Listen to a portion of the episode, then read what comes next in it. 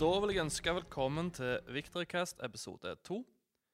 Uh, Victorcast er en skikkelig nerdepodkast i samarbeid med uh, VP Tabletop. En stream hvor vi streamer Dungeon Dragons på tirsdager og Magic på fredager, og kommer til å streame brettspill på onsdager og Warhammer på torsdager. Victorcast er òg en podkast i samarbeid med Victorpoint, en lokal brettspillbutikk og hobbybutikk på Bryne. Mitt navn er Ken Svømme, og med meg har jeg som vanlig min eh, bror, min eh, trofaste podkastpartner, en ekte nerd iført en Vox Machina-T-skjorte, Critical Role-T-skjorte, favoritt-T-skjorte. God dag, Snorre. God dag, Kenneth. Da er vi klar for uh, enda en episode av podkasten. Det er godt å være varm i trøya nå og endelig få kjøre på litt normalt. Mm. Herlig å være tilbake i stolen. Det er det. Lang uke siden sist. Ja, nå har det vært mange dager. Hva har du gjort siden sist? Eller hva har du gjort siste uka? Ja, DND som alltid på tirsdagen. Det er jo highlighten av uka, for å si det sånn. Ikke så mye mer spesielt enn det. Du, da? Ja, jeg eh, har jo eh, DND på tirsdagen, jeg òg, for så vidt. Nei, nei, jeg har stått og fulgt med på DND på tirsdagen. Jeg sitter jo bak streamen og styrer streamen derfra, så jeg må jo følge med litt hva som skjer i den streamen. Er the stream master. Ja, ellers har det vært en relativt rolig uke i, i butikken. Men så kjørte vi opp med Magic på stream på, på, um, på um, fredagen òg. Um, det er vel det som har vært mest tabletop da, uten det som har vært litt WC3-gaming, Reforged WC3, som har vært gøy. Mm. Jeg så selvfølgelig den streamen. Magic-streamen, ja. Og, ja, Var med og snakket i chatten der. Ja, det begynner å bli en bra kommunetid og gøy, og gøy, eh, gøy ting som skjer der. altså. Nå hadde de jo på Vi kan jo ta det seinere der, da. Eh, vi hadde litt eh, ekstra incentives for å vinne litt mer Egentlig er det én mot én mot én mot én, men eh, nå var det noe ekstra som gjorde at det ble litt mer teamkamp i dag, da. Nei, på fredag, da. Mer om det seinere. Mm. Skal vi gå rett over til nyhetene? Hva nyheter det er denne uka, da? Det kan vi godt. Der har vi jo ei eh, ny eh, sourcebook fra DND, som sikkert de fleste som er interessert, gleder seg til. Det er Van Rechtens Guide to Ravenloft. Den har i hvert fall jeg forhåndsbestilt, både digitalt og fysisk. Så jeg gleder meg til den. Det er jo eh, en ny kildebok i eh, DND-universet, Ravenloft, med da de tingene som du er så glad i, vampyrer og masse sånn eh, skyggemonstre og Alt jeg hater, ja. alt det der kjekke. Ja, ja men det er bra. Så det gleder jo meg, jeg meg veldig til. Jeg så en av tingene som skulle komme, var vampyr uh, Sånn eh, Åh, jeg glemte navnet på de. Vampyrmonster. Altså et, et eller annet vampyrmonster. Stemmer. Noe spesielt til DND, liksom. Yes. Vampire uh, Illithid. Illithid. Ja, det kjenner jeg ikke til. Du kan det skikkelige navnet på dem. Skal ta og google det. Mindflayer. Mindflayers, ja. Mm. Yes, Vampire Mindflayers. Det er jo stilig. De blir dritkule, tror jeg. Og jeg, jeg liker jo den typen ting. Veldig glad i Hva sånn. som pleier å komme i Sourcebox? Er det, er, altså, er det bare nye monster, så Altså, du har litt monster, litt uh, forskjellige tillegg til subclasses. Av og til får du nye subclasses, av og til får du nye raser. Uh, det er til og med nye klasser av og til. Men denne boka her, Vanrichen, den fokuserer litt mer på monster er da, eller vampyrer det er en utvidelse av Ravenloft-universet, basically. Eh, mye informasjon om det universet og ting som er i det. Sånn. Sånn så, du har jo Curse of Strahd, den kampanjen som jeg har den fine kisteboksen av. dritkule, Den er dritkule. Så jeg håper jeg får spilt Curse of Strahd en gang. Eh, men det er liksom en utvidelse av det universet. Eh, han Van Richten, han heter egentlig Dr. Rudolf Van Richten, han er jo fra den Curse of Strad. Eh, så det er liksom kult, for sourcebooken er på en måte lagt fra hans perspektiv, på en måte. Det er hans bok om Ravenloft. Så alle som spiller Ravenloft, det er en, det er en campaign. Raven, Ravenloft er en setting, En setting, ja. en Så alle som spiller i Ravenloft-settinga, må ha denne boka her. Alle som DM-er, må ha den. Ja, ja men alle, alle, grupper, som, alle ja. grupper som spiller i Ravenloft-settinga, de bør ha den her. Må ikke, men bør. Det er en fantastisk tillegg til det. Men òg hvis du ikke spiller den, så jeg spiller jo en helt custom verden. Alle disse tingene her, sånn så det er mye sånn psykologisk horror, og det er en egen tabell med liksom alle de forskjellige typene horror, som psykologisk horror, fysisk horror, alt sånn, og hvordan du kan på en måte innføre det i kampanjen din. Uh, så det får du liksom fra denne boka. Jeg har ikke lest boka ennå, selvfølgelig, siden den kommer ut i morgen. Så, men det blir, eh, det blir lesing i morgen, det. 18. mai release date, ja. 18. mai, ja. Nå hørte jeg jo akkurat rykter om at eh, det er forsinkelser på boka, da. Sånn så eh, 90% av alle andre produkter som kommer ut for tida, Ja. så er det forsinkelser. Men, Det er litt eh, covid-forsinkelser eh, ennå. ja. Men det var det på forrige bok òg. Den endte opp med å komme ut to dager etter releasedaten, da. Uh, Iallfall for, for fysiske butikker, så forhåpentligvis er ikke denne her noe mye mer seinere enn to dager, denne heller. Skal du ha det vanlige, eller skal du ha alternativ-coveren? Jeg skal alltid ha alternate art, Alltid alternativ. selvfølgelig. Uh, og så har jeg òg den digitale utgaven. Mm. Alltid ha begge deler. hva syns du om den alternate-coveren på den her, da? Litt kjedeligere enn de, de har kommet med i det siste. Uh, sånn som Candlekeep Mysteries syns jeg var fantastisk. Ja, den var Den var helt kule. ekstrem. Uh, men denne Han er liksom Han er alternate, men han er ikke så veldig spesiell, med mindre han har noen spesiell tekstur eller et eller annet som gjør han til å stå litt ut. Ja, det var det jeg skulle nevne, for, for jeg, når jeg har sett bilder av han, så ser han jo Han ser nesten ut som den vanlige. Litt kulere farger, litt annerledes, og det er jo alltid kjekt, men det ser ut som det potensielt kan være litt spesiell tekstur på han. Og det kan jo gjøre han ganske kul, da. Mhm. Men bare utseendemessig så syns jeg ikke det var Altså, det var et steg ned fra de to-tre siste de har kommet med. Altså Selve coverarten er jo en vanlig coverart, bare med litt sånn rosa ramme rundt. Mm. Uh, men få se. Det er jo noe annet å se det fysisk, så du vet aldri. Ja, og så er det alltid gøy med nybygg uansett. Det er det. Det er det. Nye ting som blir interessert, og nytt som kommer. Greit. Eh, og så kommer det jo snart et nytt Magic-sett. Eh, et av de eh, ikke standard Magic-setter, men de in-betweeners, holdt jeg på å si. Eh, Modern Horizons, Horizons 2. Så kommer eh, 18. juni. Uh, så blir jeg nok usikker på om pre-release-helga er den 18. juni, eller om det blir da helga før. Eh, så er et par, par uker vekke fra der. Modern Horizons 2 blir jo et meget spennende sett. Basert på hva Modern Horizons gjorde. Mm. For Modern Horizons endra jo basically på hele modern-spillinga. det er jo for all del de som ikke likte det òg. men det gikk fra hvor modern var egentlig ganske satt i en meta. Det var de samme dekka som gikk om og om igjen. Det var typen stilen der hvor du kunne forsvinne ut fra modderen i to år og så komme tilbake og spille samme dekket ditt. og Det var jo samme dekket du møtte. Det var samme meteren kanskje det var litt annerledes andre, andre ting som hadde kommet seg inn, men det var ikke store forskjellen. Så kom jo Modern Horizons og egentlig endra alt det. For så vidt endra litt på de andre òg, ikke standardsetter, eller andre sta- standard playmodes. Men i mod Modern så endra det totalt. Så det gjør jo at Modern Races 2 har litt å leve opp til for å klare å, å um, For å se om de klarer å gjøre like mye forandring i Modern, eller bygge, bygge videre på det som Modern Races gjorde. Ja. Um, det er jo ikke et standard legal set, så du kan ikke spille noen av kortene som kommer i Modern Races, kan du ikke spille i standard. Men det er jo et veldig bra sett for både Modern og, og Commander, og potensielt Legacy òg. Ja, Standard har jeg vel aldri spilt sjøl, faktisk. Jeg har spilt eh, Draft og Commander, og så er Modern hovedsakelig på arena, tror jeg det. Ja. Modern er jo gøy, det òg, for all del. Det, Modern blir jo fort den der hvis du, har, du spiller av og på i mange år. Ja. Eh, at du ikke orker å fylle Hvis du ikke orker å fylle de setter kortene som er legally standard, eller de settene som er standard nå, eh, og hopper litt ut på, det, spiller litt i periodevis, så er Modern veldig bra eh, å spille. Jeg, jeg syns jo, jo Du syns jo Commander er kjekkere enn Modern, da. Ja. Eh, Så da kommer vi bare til Commander, men de som ikke liker Commander-formatet, så er jo Modern dritkult. Mm. Um, så det blir spennende å se hvor Hva er egentlig forskjell på dette og sånn som Strixhaven, som kom for ikke så lenge siden? Strixhaven er jo et standardsett. Ja. Uh, så det er jo det, Du har jo en rotasjon uh, på standardsettet, uh, hvor det kommer åtte i året, og sånn, så, så er det fire som detter ut hvert år. år. Eh, Og så er det det som heter core òg.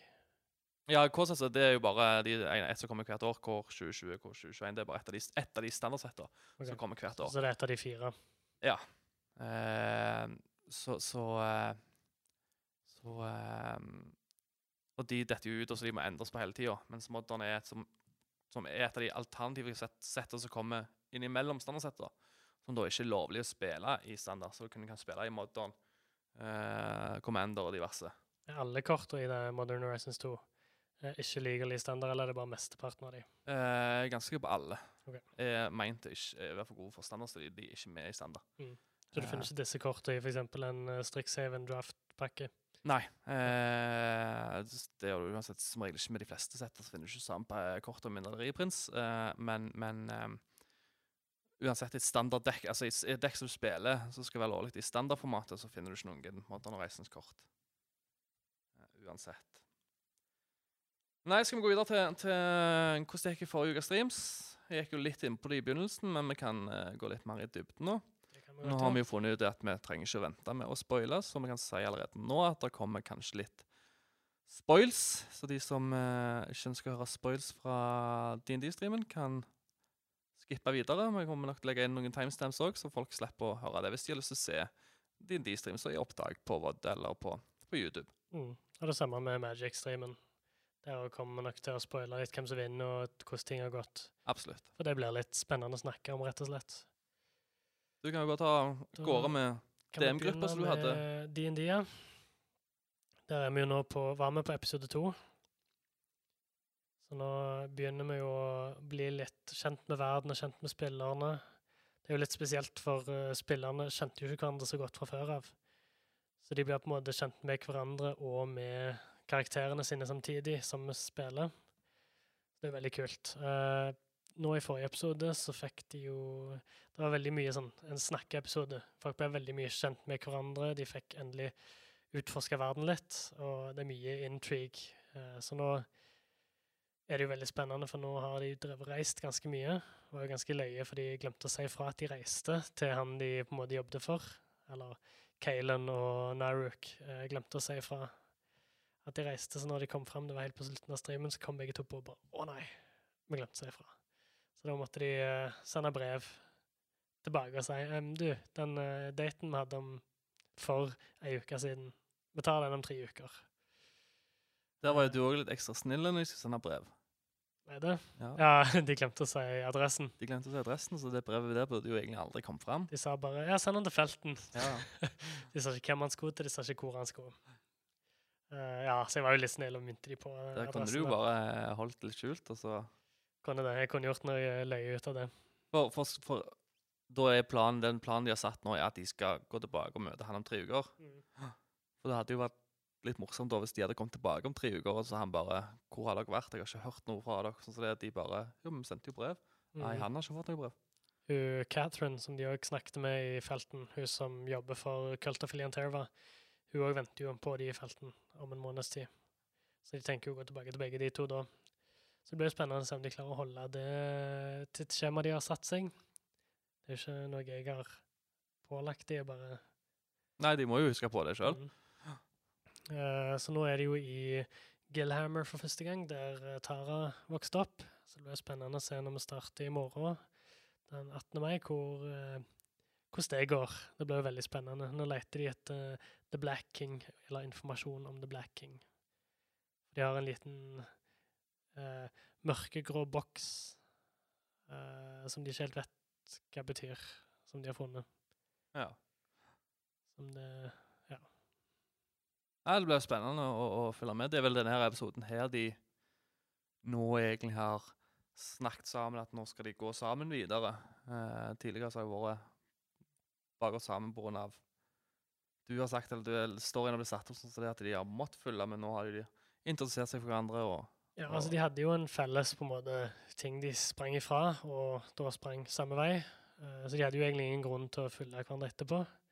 Men så fant de jo det i forhold til, til sine egne mål, hva alle vil, at de egentlig holder sammen litt lenger. Så det er litt kjekt hvor på en måte organisk det gikk at de ble ei gruppe. Men de har jo fortsatt ikke knytta de tette båndene. Så når de kommer tilbake om en måned, så får vi jo se hvordan de ligger an da. Ja, for per, nå så er det bare bånd mellom to og to. Du har Naruk og, Ja. og, og uh, Naruk og Kalen. Og så har du Tara og Hicks. Hicks. Og uh, Relgalund, eller Rullegardin, og uh, Fyr. Fyr Mhm. Gryssa. Grisen. Uh, ja, uh, Fyrgrissa og Relgalin og Nix og Tara har jo begynt å knytte litt bånd, for de er litt i samme situasjon. De ble jo alle kidnappa, og alle eh, har på en måte opplevd litt det samme. Så de er alle veldig nysgjerrige på denne kultafilien til hvorfor de har blitt kidnappa, alt det der. Mens Kaylin og Naruk ble jo på en måte bare leid inn til å følge etter og spionere på det. Ja, så s- hadde jo hun Og jeg redda de ut. Så hadde jo hun um, Han Higgs hadde jo en uh, fin matteframvisning på, på streamen. Én pluss én pluss én pluss én blir jo en gjeng, var det ikke det du sa? Nei, matten var bra. Ja. Hun gjorde den bare treigt og veldig awkwardly. Ja. For hun er, hun er veldig smart, og han er veldig smart, men har veldig, høy, veldig lav karisma. Så han klarer liksom å få fram budskapet i liksom matematisk informasjon, men sliter veldig med måten han får det fram på. Og hun Ida spilte det så fantastisk. Ja, jeg og ledde litt også. òg. Ja, og det er det som er så kjekt når de på en måte lærer karakterene sine og blir kjent med henne og skjønner hvordan de skal spille. Lav intelligens, lav styrke, lav karisma. Og når de får det ut i et bra RP-øyeblikk, åh, det, det er magi. Ja, det er det som blir gøy. Det er det som blir gøy med hele spillinga. Neste uke, da, er det noe Ja, nei, forresten, det var noe annet jeg tenkte på. Det har jo eh, Hvor mye mer skal de gå? De har jo gått og gått og gått og gått hele de to første kampanje. Det har jo vært sånn uh, walking uh, RBG. Walking simulator. Ja. Nei, det, det får vi se. Det kommer an på hva de ender opp med å gjøre og alt sånn. Uh, akkurat nå så er de jo i Gillhammer. Det er jo en ganske stor by. Hvor mange byer har de vært innom? De har faktisk bare vært innom to byer og to landsbyer. Ja. Nesten trodde de hadde spilt i to måneder. Ja.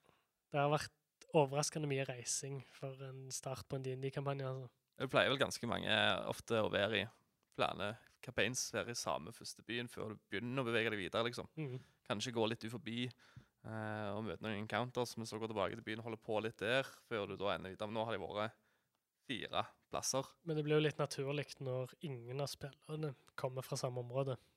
Altså, én person kommer fra ett kontinent, to kommer fra et annet, tre, nei, to kommer fra, tre kommer fra et annet igjen. Så de kommer liksom alle fra forskjellige kontinenter. Ja. Ja, ja, nei, men um, reviews neste, eller previews neste, er det noe der vi kan tise litt på, eller? Er det bare stay tuned og følg med? Ja, følg med. Uh, tingen med å si hva som kan skje neste gang, er at jeg vet ikke. Nei, nei. Det kommer an på hva spillerne gjør. Nå har de jo kommet nå, Altså, nå vi slutta når Tara mer eller mindre banker på døra til boligen til foreldrene sine.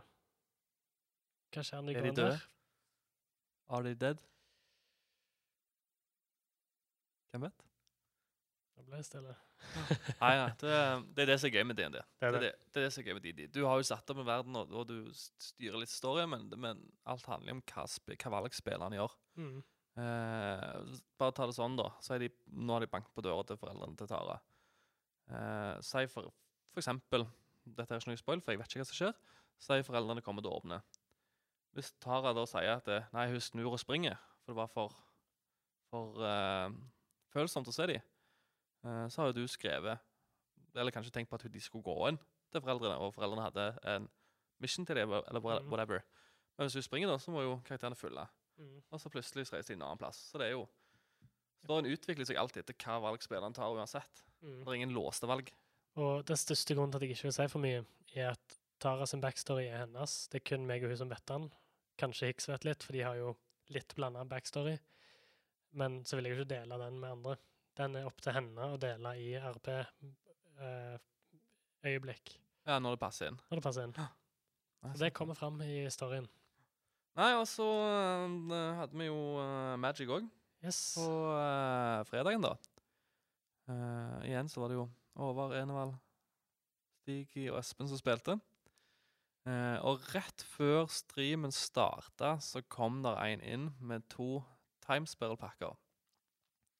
la han ned bordet, og så sier han Hvis Espen og, og, og eh, Stig klarer å vinne minst 50% av gamesa, så får de de to pakkene. Hvis, de, hvis eh, Håvard og Enevald vinner mer enn 50% så er det ingen som får pakkene. Så var det liksom enten Espen og Stig eller ingen eh, som fikk pakkene. Grunnen til det er litt morsomt, er jo av Espen og Stig pleier ikke å vinne. Det er jo over og Enevald som pleier å vinne av de fire, da. Eh, så det gjorde jo at kampene ble litt mer teamfokusert, på en måte, Stigi og Espen mot eh, over og Enevald. Eh, og det endte jo opp med at første kampen vant vel Enevald. Så han hadde Mm. gått opp 1-0. Eh, og den varte ganske lenge òg. Så da var det sånn at potensielt det var bare mulig og tid til én kamp til. Så jeg måtte klare å spille litt fort, da. Eh, men da fikk Espen en eh, god runde. Veldig kjapp runde. Stig i eh, enable han til å ha en one turn kill på alle. Eh, eller på, på over og enevald, da. Altså basically vant han hele kampen. Så han vant kamp to. Og så skjedde akkurat samme avslutning. Jeg husker ikke hva kortet het- hva kortet heter, men eh, eh, det er basically sånn at eh, når en person spiller spill, så kan han telle hvor mange kort han har i library, og så deale så mye damage til spillere. Mm. Så han dealte jo liksom sånn 86 damage til Første runden hadde nesten e- Enevald og over fullt liv, men han dealte ut basically over 80 liv til begge de to. Jeg tror til og med Over hadde sånn 43 liv på det Mm. tidspunktet. Men har klart å deale over 83 liv da, til Enevald og Over. Og basically samme hva som skjedde kampen etterpå. da. Og da var det jo det at det, Siste kampen også, så var det det at det, Stigi måtte spille en uh, instant eller sorcery. Uh, for da kunne Espen vinne. Hvis han ikke hadde hatt det, da, så hadde Over klart å uh, stoppe Espen. Så hadde ikke de klart å vinne lenger, så hadde de ikke fått de pakkene. Men heldigvis så klarte de å få de pakkene til slutt. da. Eh, så det var jo gøy. Det er jo gøy når du får litt sånn ekstra incentives til å gjøre forskjellige ting. Uh, og Mm. da gjøre litt mer gøy på gameplayen, da. Ja, dere prøvde jo å gå off-air når de skulle åpne pakkene. Det satte ikke Ja. folk pris på. det var det bare som vi, vi tenkte ikke på det. Vi hadde jo uh, Vi hadde blitt ferdige, delte ut pakkene de to, og så var vi ferdige med streamen. Så da var det ha det bra til alle sammen, og så slo vi av. Men så var det jo en i chatten som hadde sagt nei, må jo åpne pakkene på stream. Eh, og selvfølgelig må vi åpne pakkene på stream, det sier seg Mhm. sjøl. Det er jo det de har spilt om. Vi må jo eh, se hva de får for de, da. Eh, så da måtte vi slå på streamen igjen. Det ble jo bra når dere satte opp igjen. Det var spennende å se. Han fikk jo et bra kort òg. Hvem var det som fikk det? Stig i? Nei, Espen fikk det. Espen fikk det. Eh, jeg husker faktisk ikke hva kortet det var. Men, men det var et kort han hadde planlagt å kjøpe, Mm. så han faktisk skulle bestille noe snart. Og da fikk han det i den pakken der. da. Det er et ikke så dyrt, ikke så sjelden kort, men det, men det er relativt bra. Mm. Et veldig brukt kort, som er med i de aller fleste blå dekk. Mm. Så det var veldig fornøyd med det, da. Ja. Og det var jo ekstra kjekt å se på når det var en liten sånn ekstra ting som vi satt og fulgte med på. Kommer de til å klare den 50% Absolutt. det var, det var ganske gøy. Det var sånn uventa gøy. Ja da. Det, det, det gir litt når du følger, sitter og følger litt mer med på det, og så blir det litt mer gøy når det egentlig er en friforhold, men så blir det litt teamplayende der. Men så hadde du sånn enevel og Over som egentlig ikke ville tenke på det som var forbi. De ville bare spille game og det som var mest naturlig. Ikke tenke på de pakkene. Men så måtte de tenke litt på det likevel. Altså. Så det ble litt mer ble litt mer morsomme ting som skjedde Ja. av de pakkene. da. Så hvis noen dere ser på har lyst til å få en litt kjekkere Magic stream, så det vet dere hva dere skal gjøre. Har kommet inn med to timespillpakker eller to andre pakker, så får dere lagt den litt der, da. Nei, det var morsomt. Det gjorde litt ekstra. Men Det det. eh, vi må jo snakke om uh, det forferdelige som skjedde på Magic-streamen. Nå- Husker du hva T-skjorte jeg hadde på meg sist uke? Ja, ja, ja. ja. Hva var det Espen sa? Espen sa det. Det ble litt snakk om Star Wars. Eh, og så sa Espen Det er litt banning i kirka, egentlig, så jeg vet ikke om jeg helt har lyst til å si de orda. Nei, altså, jeg, jeg tror vi bare skal banne han, blipe den sendingen, og så bare legge det bak oss. Ja. Eh, nei, må jo fortelle folk hva som Ja. han sa det at han syns ikke Star Wars er så gøy. Det er helt greit. Det er ikke noe gøy.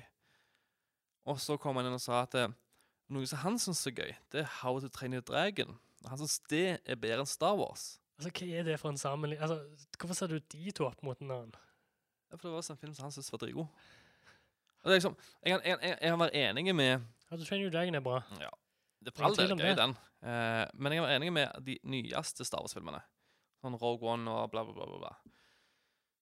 Men de Rogue One er jo ganske bra, da. Hæ? Rogue One er jo skambra. Både òg. Men, men, eh, men de originale, og for så vidt òg de som kom på begynnelsen av 2000-tallet, utenom den første av de, Mm. er, er, er dritbra. Det er jo helt fantastisk gode filmer. Eh, så for å si det sånn, det er en grunn til at og det skulle jeg jo gå inn på, at Espen ikke skal være med Ja. neste fredag. Så han ser dere dessverre ikke igjen.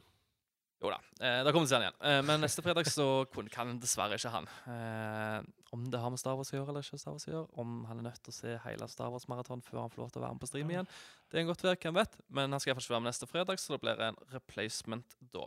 Da fikk jeg vel høre det i chatten. Det var ikke så mange som var fornøyde med han. Så jeg tror ikke det er noen som har han som, som sin favorittspiller på Magic-streamen, for å si det sånn. Så folk heide på de til å vinne de pakkene helt til han sa det. Det var litt sånn øh, Ja. Kanskje det ikke er så viktig at de får de pakkene likevel. Sant det. Nei, det var, det var gøy. Ja, nei, men han bør holde seg for god for sånne Ja, enig. idiotiske utsagn som at How to Train Your Dragon er bedre enn Star Wars. Det går jo faktisk ikke an. Uh, nei. Og han kaller seg nerd. Han kan gå hjem og se Bridget Jones' dagbok, eller hvem han liker, han gutten deres. altså. Greit. Eh, så har vi jo en der vi kjører et nybegynnertips hver uke. Mm, det er den tur. Ja. Og nybegynnertipset i dag Nybegynnertips og nybegynnertips, det handler litt mer om, om Ja, det er jo nybegynnertips. Hvordan folk skal komme seg inn i miljøene, hvordan folk skal starte med de forskjellige spillene. Eh, men i dag handler det om Warhammer. Hvordan starte med Warhammer. For av de standard tabletop-hobbyene så er det miniatyrspill som er vanskeligst å starte med. Eh, på alle mulige måter. Men det har òg en del med Holdt jeg på å si hva, hva som har blitt normen å tenke om det. For det er egentlig mye lettere enn det folk tror. Eh, for sånn som med Warhammer òg, så med en gang du begynner å snakke om det folk, så tror veldig mange at du OK, da må vi gå inn og kjøpe en full hærte. Snakker vi 5000 pluss minus for en full 2000 her som du kan spille. Eh, vi snakker at du må kjøpe full maling til den her. Alt utstyret. Eh, og så, så kommer prisen på altså, 2000-3000 der, òg, da. Så si skal du ha den her, alt det her du kan velge, så kan du komme opp i 10 000. Det er der folk tror de må starte. Mm. Og så setter de seg ned og maler, og så forventer de jo at det, eh, Eller så er det sånn bygget først, for så vidt. Men så, og bygge. Så forventer de jo at om um, et par dager så skal jeg være klar til å begynne å spille. sånn som det. Så alle går inn med feil forventninger eh, når de er helt nye i Warhammer. Men det er litt vanskelig å forklare, og det er litt vanskelig å få fram hvordan du skal gjøre. Mm. Eh, så derfor anbefaler jeg jo alle som, som, eh, som eh, har lyst og er litt interessert i å starte med Warhammer, gå og snakk. Ta en samtale med noen som spiller. Ta en samtale med noen som er involvert i hobbyen. Eh, ta en samtale med noen fra en Warhammer-klubb som Norsehammer. Eller gå til den lokale eh, hobbybutikken og spør litt. Mm. Grav litt i det. For eh, jeg mener at Som jeg sier, det er 10 000 er rundt der som folk føler kanskje må starte når de har undersøkt. Men jeg mener at å starte med Warhammer koster ca. 500 kroner. Det er der du starter. Mm. Eh, og så, som alle andre hobbyer, så går jeg det videre. For den beste plassen å starte med Warhammer er å kjøpe en av disse her eh, settene hvor du har tre figurer, en pensel og et par malinger. Eh, de ligger til en, pleier å ligge til en rundt 345 eller 350 kroner eller 400 kroner. Mellom 300 400 kroner ligger de. Der får du tre figurer. Så du kan male. Det trenger ikke være til den hæren som du skal spille. Eh, men da får du teste hvordan det er å halvveis sette sammen en, en, en uh, figur, og hvordan det er male. For hvis du går inn i Warhammer med, med, med tanken om at jeg skal ikke bygge eller male, eller jeg, jeg, jeg liker ikke det, så kommer det til å bli svindyrt. Så du må Mhm. finne ut om du liker det først. Eh, for hvis du finner ut ok, det er ikke min ting, jeg liker ikke å male, jeg liker ikke å bygge, så må du jo begynne å kjøpe den her og sende det vekk til noen som kan gjøre det. Og da blir det svindyrt med en gang. Har du råd til det, det du har lyst til å gjøre, så for all del. Mm. Men så finner du ut om du liker å male og bygge. Eh, så kan du gå videre og begynne å kjøpe din her. Eh, da kjøper du enten det som heter nå Combat Portal, heter før Start Collecting, det er i 40K da, eller i AOS, så er det Start Collecting. Det ligger fra alt mellom 640 kroner ish til 900 eh, for de nye kommer-opp-dollene. Rett over 900. Eh, da får du en alt det her, men en 15-30 modeller. Det tar tid. Mm. Skal du bygge, male og lære deg spille, så tar det tid. Og da har du eh, noe du kan bruke det neste halve året. For som en ny spiller så tar det tid. Mm. Eh, er du erfaren og har holdt på lenge med det, så, så kan du gjøre det relativt kjapt. Men helt i begynnelsen så tar det fort en måned å få bygd opp og malt opp. Eh, lenger enn det òg for å få malt opp. Kanskje to-tre måneder. Og så skal du lære spillet, bruke to-tre måneder på det. Da har du brukt en tusenlapp for seks måneder med hobby. Så går du videre og legger på nye figurer til hæren. Og så går du litt videre der. Eh, så du bygger en 2000 poeng her på et år. Ikke på en måned, ikke på, par, ikke på en uke. Mm. Og da bruker du basically alt mellom 6000 til 10 000 på et helt år på hobbyen din. Og da er det ikke dyrt lenger. Eh, for all del, det må jo hobby, hobby du har lyst til å holde på med. For at du vil ikke bruke de pengene. Så ja, så da er det start med en sånn startpakke med tre modeller. En malepelsen og, og eh, litt maling. Finne ut om du liker å bygge og male. Og så går du videre og starter å kjøpe en Star Collecting. Så legger du på de modellene du vil ha. Eh, og det viktigste tingen også å huske på, er ikke gå og søke opp hva som er den beste hæren, og begynn med den. For når du er klar til å spille den hæren, så er ikke den best lenger. Hvert år så kommer det codex og kommer det nyheter til hærene, så snur det på hodet. Eh, en av de beste hærene eh, fra, fra et år siden i 40K, eh, tau, er nå den verste. Mm. Så det, så det snur seg på hodet hele tida. Så bare finn de som ser ku kulest ut. Finn de som ene alene ser kulest ut. Velg de. Start med en av de paintsetsa. Start collecting, og så tar du det derfra. Og bli ferdig med start collectingen før du kjøper noe mer. Mm. Har de fortsatt i Games Workshop med sånn eh, start her på hyllene sine? Ja, de har jo for så vidt det, men, men Nettsida deres òg. Så har de start her. Eh, Det er jo kanskje en grei plass å bare gå og se på bildene på boksene. Se om noe som ser kult ut? Ja, du kan jo gå, du kan jo gå inn på, på, på de forskjellige eh, faksjonene òg. Ja. Forskjellige hærene òg. Bare finn, finn den som ser mm. kulest ut. Eh, tidligere òg så anbefalte jeg fort å, å, å, eh, å eh, starte med 40K, men nå er det ett fett. For AOS òg begynner å komme seg opp på samme Mhm. størrelsen som 40K. Eh, så da er det jo det er jo to forskjellige innenfor Warhammer, en fantasy og en sci-fi. Så nå er det bare å finne ut først om du liker sci-fi eller fantasy.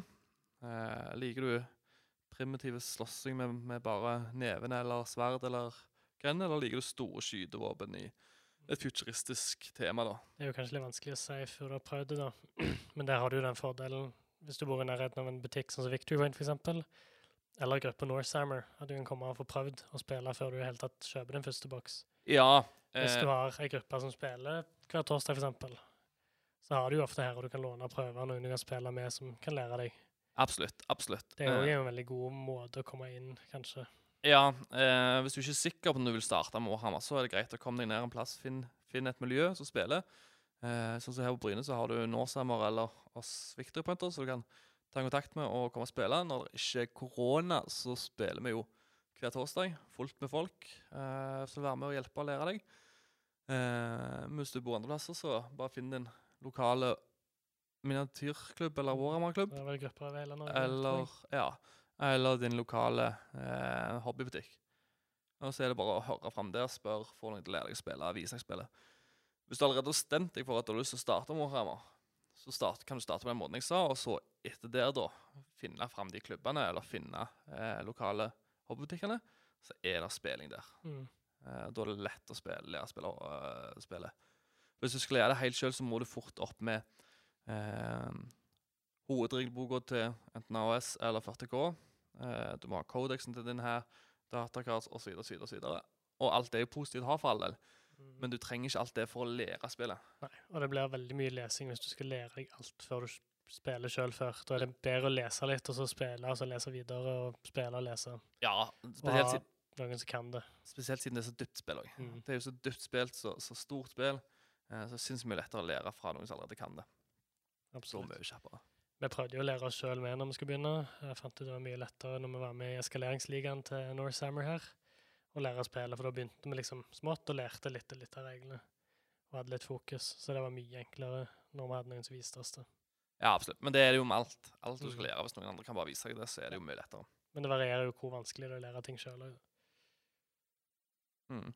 Så kort oppsummert Finn et miljø. Finn ut om du liker å bygge og male. Kjøp Star Collecting. Det er måten å starte med på.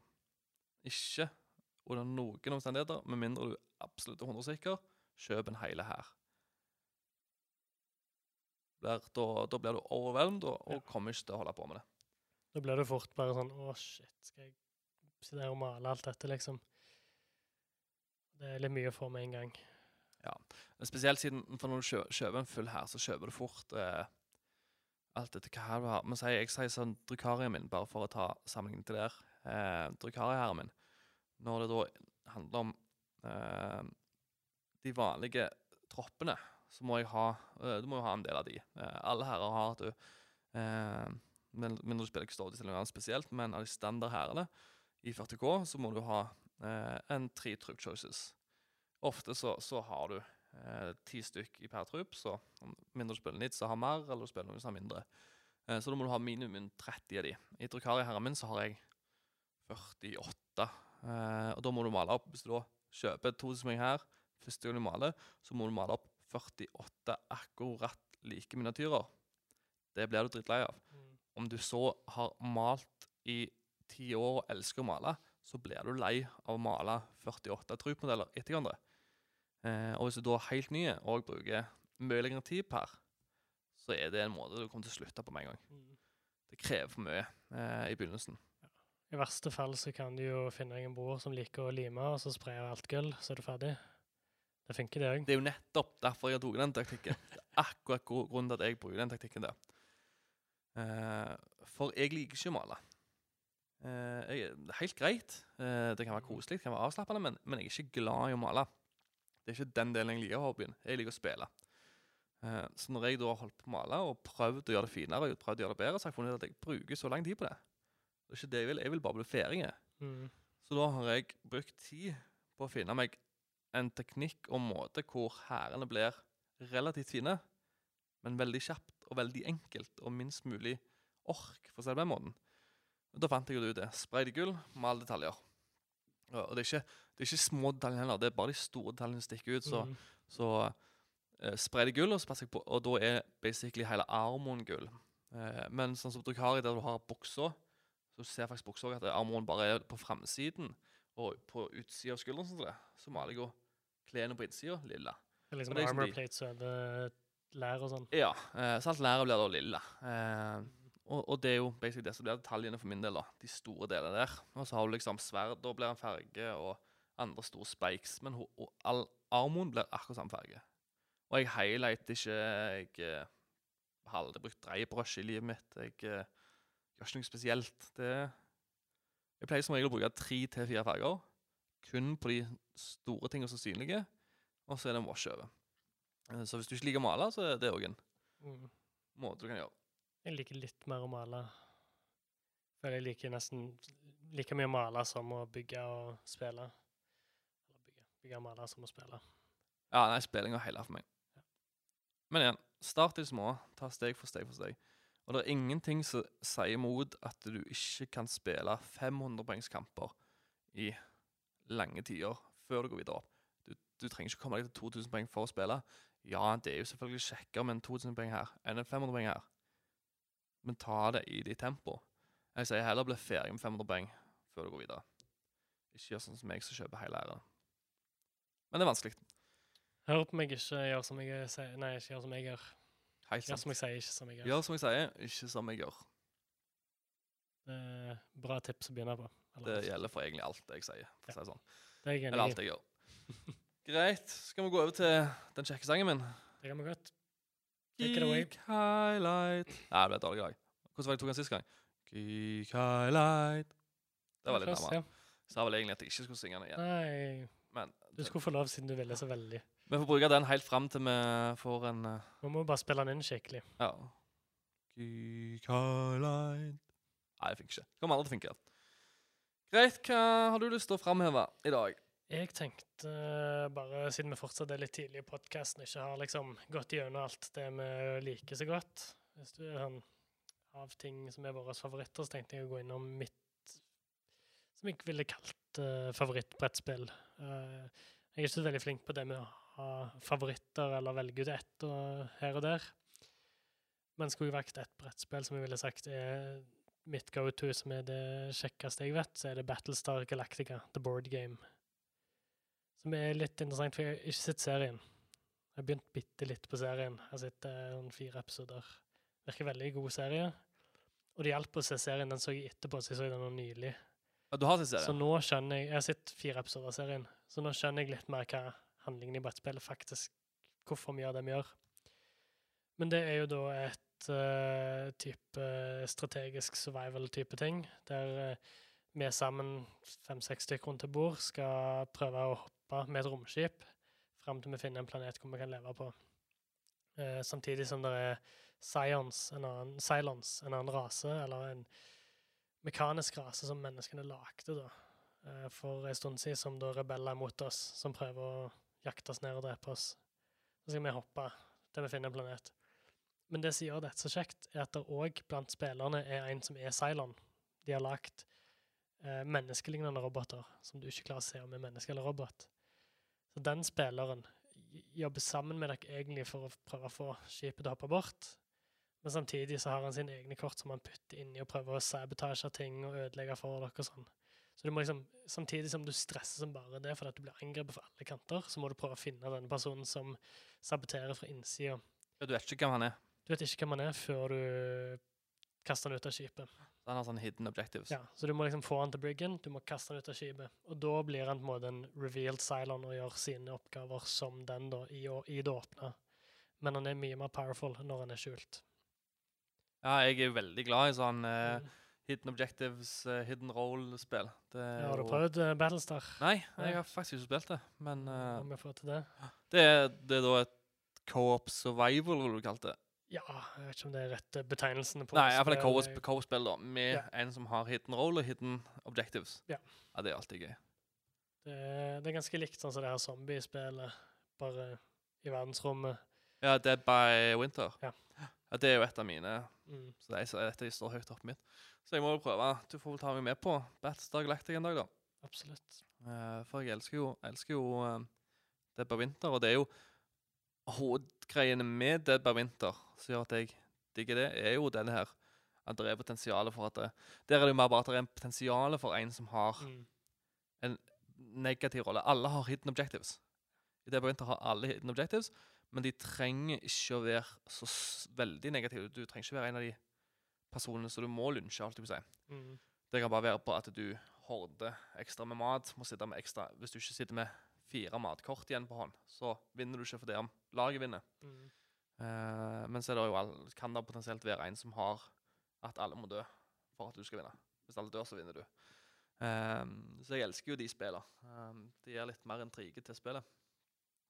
Men uh, Hvordan vinner dere spillet? Vi kommer fram til planeten vi prøver å finne. Ja. Så du, liksom, så når dere kommer fram og har landa, så har dere vunnet? ja, du driver gjør oppgaver fram til skipet er jump ready. Så kommer det òg skip på utsida som du må slåss mot, og litt sånn. Og så skal du hoppe så og så mange ganger til du kommer fram til der du skal. Hvis du ikke kommer fram, så taper du. Hvis du kommer fram, så vinner du. Hvordan vinner han som har hidden Roll. han, han, han, Han skal, hvis han saboterer hele missionen, så hvis dere ikke klarer å komme fram og ender opp med død, da, Ja. så vinner han. Mm. Okay. Den er jo alltid ganske interessant. Og det, da- blir det liksom så interessant òg hvordan den personen spiller. Mm. For du vil jo ikke bli reveala tidlig, så du må jo spille Du må jo hjelpe teamet ditt ganske hardt, iallfall i begynnelsen, Mm. før du begynner å sabotere. Men du, det kan jo være et strategisk valg når du blir reveala, at eh, du virkelig bare går all in og saboterer, men vet at du blir reveala. For du fortsetter jo å plage dem fra utsida etterpå. Ja, men Burde du gjøre det i begynnelsen? Nei. Du Du vil liksom vente. holde deg så lenge som mulig, egentlig. Jeg tror det er best om du ikke blir reveal i det hele tatt, men ja. Det er vanskelig. For du må jo gjøre det nok til at du faktisk klarer å stoppe det. mm. Og det, det er jo en ting som kan gjøre det morsomt, at du, du er ikke aggressiv nok, som gjør at det faktisk gir vinner uten du blir revill i det hele tatt. Mm. Uh, Så det er jo en type spill hvor du har liksom shortage av alt. Du sliter med mat, du sliter med bensin, du sliter med det, du sliter med angrepsfly, du sliter ja. Så du, de- dere sammen, det er liksom si optimalt fem spillere.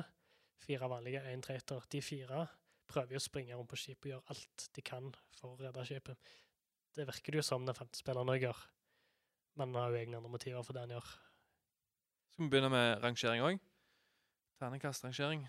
Hva vi gjør på våre egne highlights. Det er noe av det vanskeligste jeg vet, men ja, sure. Hva ville du gitt? Hva sier vi? Én til fem, eller? Nei, til ti. eh, Ti. Så basically samme som BGG har. Ja. Eh, Hva ville du gitt Battlestar Galactic fra 1 til 10?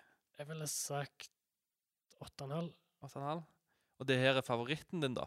Så da blir liksom 8,5 det toppkarakteren. Det er ingen som kommer til å få høyere enn det. Det kommer til å komme høyere. Det her er favoritten min for liksom casual checked game.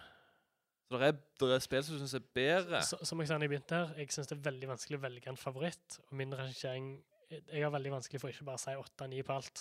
Men, før, okay, men før, før vi faktisk begynner å Ja. rangere, så må vi jo sette hva vi rangerer. Rangerer vi hvor teknisk godt spillet er, eller er det bare en ene alene rangering på hvor gøy vi syns det er? Eh, eller skal begge delene der telle? Jeg tenker en blanding. Er, det er artworken med? Jeg tenker en helhet. En overall rangering. En helhet. Så altså hvor gøy vi hadde mens vi spilte det, Hvor bra det ser hvor, ut. hvor bra det ser ut, hvor teknisk vi føler det, Hvor bra regelboka er for å lære det. regelboka ja.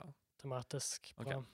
Og du står holder deg fortsatt på 8,5, eller du skal endre? 8,5. 8,5, ja. Der vil jo på en måte art assets å trekke litt ned, men òg det, det er liksom bra, men det er jo basert på serien. Så det er liksom bilder fra serien. Uh, reglene er litt tungleste, men helt sånn Klar å lære deg det.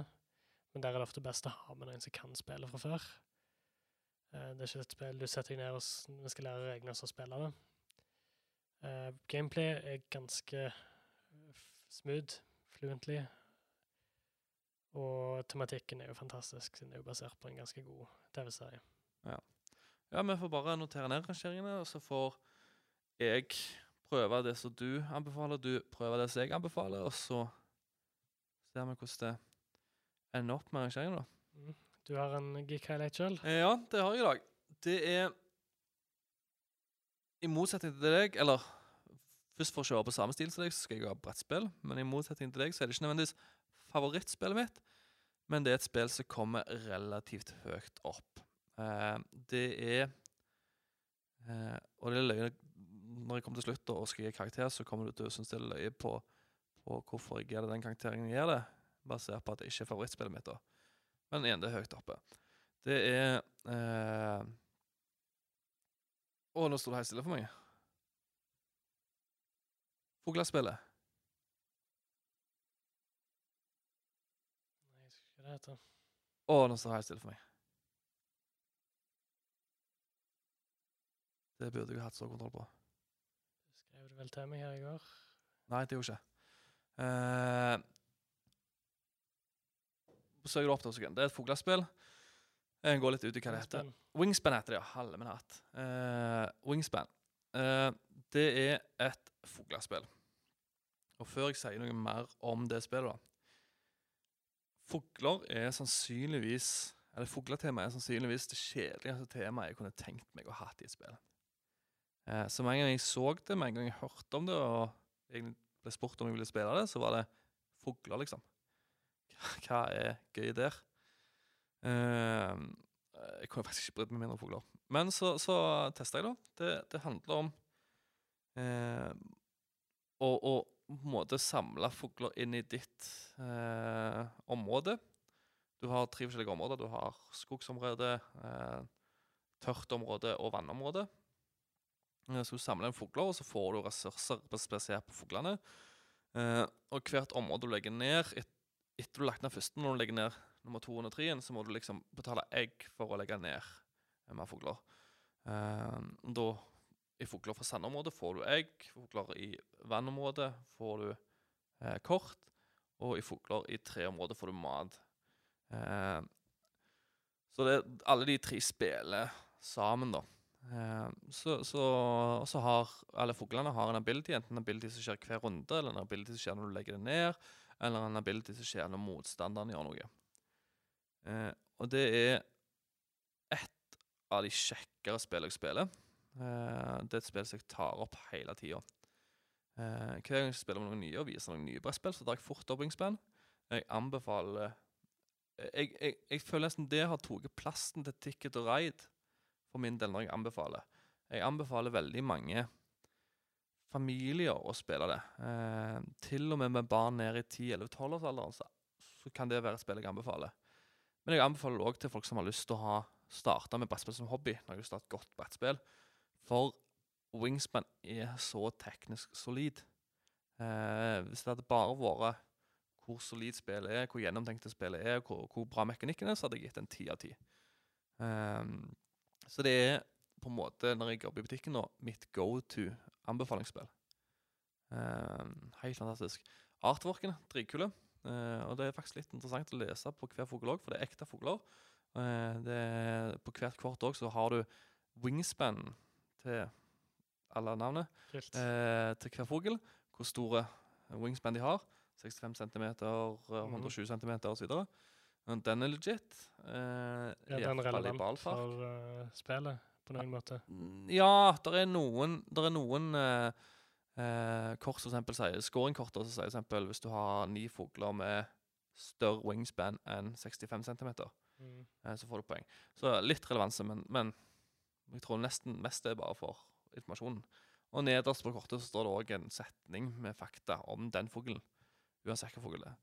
Så det, du ler jo faktisk litt om fugler òg. Nå husker ikke jeg noe særlig om noen av fuglene, så, så, du må jo faktisk bry deg litt for å gidde å lære det. Men jeg pleier som regel hvert eneste kort jeg får i hånd, lese den informasjonen bare for sånn fun fact-lignende. Det er jo litt kult, da. Uh, og hvis jeg skulle gått inn på, uh, på um, rangering av, av, uh, av spillet, eller spillet, så tror jeg Altså, for teknisk sett så hadde jeg gitt det ti av ti. Artwork så hadde jeg nok gitt det Nei, ni av ti. Og hvor gøy jeg hadde når jeg spilte det. Så det så impressive ut. Ja. Åtte av fem, ni av ti. Eh, hvor gøy jeg har det når jeg spiller, vil jeg gjette rundt en ni. Jeg tror to Totalscoren min for det spillet blir ni av ti, faktisk. Ni av ti. Da må jeg jo nesten garantert prøve det. Ja. Det er Jeg har, jeg har tatt det med Jeg har interessert det for folk som jeg har spilt med, som, som har spilt veldig mye brettspill før. Uh, de digger det. Uh, det ligger jo Hvor ligger det på BGB, BGG sin uh, toppliste? Det lå ganske høyt tidligere. Jeg tipper det ligger rundt sånn 13-14 nå. Um, men jeg er interessert i folk som um, har spilt 20, 20 ja, så datt litt til. Uh, men jeg er interessert i folk som har spilt med brettspill før. De elsker det. 20 er jo drithøyt. Ligger på 8,1 rank. Ja. Så er jeg litt mer høyere enn ellers gjennomsnittlig, men Det er veldig kult med Battlestar Galactica òg ligger på rank 81 ennå, selv om det er out of print akkurat nå. Ja. ja, det er kult. Uh, men så er jeg òg interessert til type familier. Uh, dette her er et jeg må spille. Uh, da hadde jeg en i butikken som kom inn og, og snakket med ganske mye om spill. Og så hadde jeg anbefalt et par spill tidligere, og han var fornøyd med alle. Så anbefalte jeg Wingspan, og han skulle ha med seg to unger, en på ni og en på tolv, hvis jeg ikke husker feil. Så anbefalte jeg Wingspan, da, så fortalte jeg litt om regelboka og viste den fram. Han syntes det så litt for vanskelig ut. Men så, sa, men så anbefalte jeg det. Eh, og så sa han ja, OK, siden de var så fornøyde med de jeg anbefalte tidligere til dem, så skulle han prøve det. Og han kom jo tilbake to dager etterpå og sa 'den naila du'. Eh, så det passer jo for familier òg, med barn. Og jeg har introdusert det for en kompis av meg òg som absolutt ikke spiller noen tabletop-ting. Uh, han maler litt Warhammer-figurer, men that's it. Han spiller ikke brettspill, aldri egentlig spilt brettspill, han spiller ikke Warhammer, spiller ikke Magic, ingenting som det. Uh, og han òg likte det, syntes det var gøy. Så det passer for egentlig alle. Uh, I begynnelsen så får du nok den vibben at det er et brettspillerspill. Men, men basert på hvem jeg har introdusert for, så, så, så, passer de fleste. Så det har blitt mitt nye Ticket Ride. Grunnen til jeg kaller det Ticket Ride, er på grunn av Ticket Ride er jo kjent som et av de mest solgte spillene i verden. Eh, og det er liksom et Hvor folk som ikke spiller brettspill, har Ticket Ride. Det har liksom blitt nåtidens nesten monopol, for å. Alle har Ticket Ride. Eh, og det er òg det spillet som blir brukt for å interessere folk til brettspill. Eh, Ticket Ride. Eh, det er fantastisk til det, da. Men, men Wingspan har blitt litt min Ticket og Ride. Det er den jeg anbefaler til alle uansett, med mindre du er ute etter noe presist, altså noe konkret som ikke passer til, til, til, til Wingspan. da. Jeg har spilt mye Ticket to Raid med sånne type folk som på en det som sitt eneste spill. For liksom det de er blitt introdusert til, de likte det så godt. Så jeg ser hvordan dette kan ta den plassen. Jeg ser òg at på rankinga på BGG så ligger det på førsteplass på Family. Ja, absolutt. Eh, og så er det òg anbefalt én til fire spillere, best med tre. Og så er det spilletid på rundt 60 minutter, så det er jo Ja. helt perfekt for uh, denne type Ja, grupper. spiller du med, spiller med nye folk, så tar nok halvannen time. Ja, cirka. det gjør jo på alle spill. Ja, uh, spiller du med folk som har spilt så vil jeg si du kommer deg fort under en time. Mm. Men ofte er det sånn spill som varer under en time, da føler du ikke at den, de har den dybden. Men det har dette her. Altså har du, Spiller du dette her og bruker 50 minutter, sitter du ikke med følelsen at det her var, det mangler en del ting. Mm. Det er bare så lang tid rundene tar. Eh, og det, det, det har dybde, det har strategi, det har egentlig det meste. Og det har faktisk små eggminiatyrer. Ja, ja, de er dritkule eggene. I forskjellige farger. Rosa, blå og hvit. og- Se på bildet av det her. De er ganske kule eggene. Eneste som er negativt med Vet du hva, jeg endrer det. Jeg går til 8,5. 8,5 går jeg til. Mm. Eh, Den er fast. Grunnen til det er esker og komponentene. Um, eska er Etter du har åpna og pakket den opp Hvis du ikke demonterer alt som skal demonteres, og, legger det strategisk, så kommer eska ikke til å passe skikkelig. Så du får sånn Nobuigle-eske. Det er mange spill som har det. Det er helt forferdelig. Um, de har et sånn Dice Tower, hvor istedenfor å hive inn terningene fra toppen, så hiver du inn bakfra. Eh, det er ganske irriterende. Eh, og den er ikke vanskelig å sette sammen, og tar litt å seg sammen. Eh, så hvis du skal få den fine eska inn etterpå, så må du ta den fra hverandre. Det gidder ikke jeg. Eh, når jeg har satt den opp, skal jeg bare legge til. Jeg skal ikke bruke lang tid på å pakke den ned. Eh, så den trekker litt. Det neste som trekker, er at skal du bruke de beholderne, eskene som er med, så kan du ikke slive kortene. For da kommer eh, kortet ikke ta plass. Mm. Så eska er egentlig ikke bare, er rett og slett bare ikke bra. Eska burde vært en god del større, sånn at du har mer rom i eska.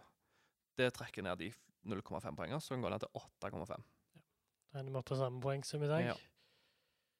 Jeg begynte faktisk når jeg tenkte, For når jeg begynte å snakke ja, om det spillet, så sa jeg jo det at det, det kom til å være løye med, med, med, med gjør. For jeg Mhm. sa det at Eller karakteren jeg gir. For jeg sa det at eh, det er ikke mitt favorittspill akkurat nå. Det er høyt oppe på favoritten min. Det er nok i topp fem. Kanskje topp ti. Eh, men før jeg begynte å snakke, så hadde jeg en karakter i hodet som var 9,5. Det var den jeg planla å gi. Mm. Og- jeg kan hele 9,5 er sinnssykt høyt. Og hvis yep. det da ikke er favorittspillet så er det litt løye der. Men det er jo bare pga. alt rundt det er så bra med det. Det er så litt solid spill. Uh, så det liksom, jeg, var egentlig i tanken min bare hvor gøy det var. Så trakk det ned fra en 10 til 9,5. Mm. Uh, men pga. de tingene jeg har tatt opp nå, så ender jeg på 8,5, da. Karakterer går ofte litt ned når du begynner å snakke om tinga. Men 8,5 er jo skyhøyt, så det er Det et er spill som jeg anbefaler absolutt alle til å prøve. Om, de ikke, om ikke alle kjøper det, så absolutt alle bør prøve. Det er et spill som du bør ha prøvd, et spill som du bør ha på de lista. Da skal jeg i hvert fall prøve det. Det må du. Ingen tvil om det. Greit. Uh, da har vi kommet til veis ende atter en gang. Eh, så får vi gå, så vil jeg bare si følg med på VB Tabletop sine streams.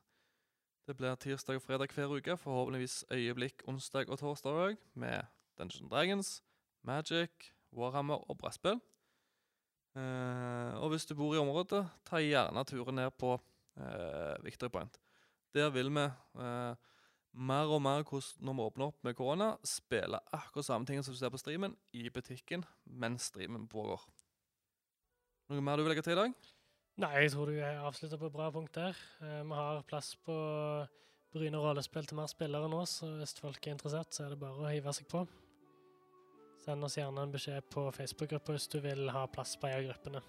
Men vi har plass til spillere hvis noen er interessert. Fantastisk. Og DM-er hvis noen eh, har lyst til å være DM. Det trengs alltid mer. Yep. Fantastisk. Da får vi si ha det bra. Ha det bra. Hei, hei.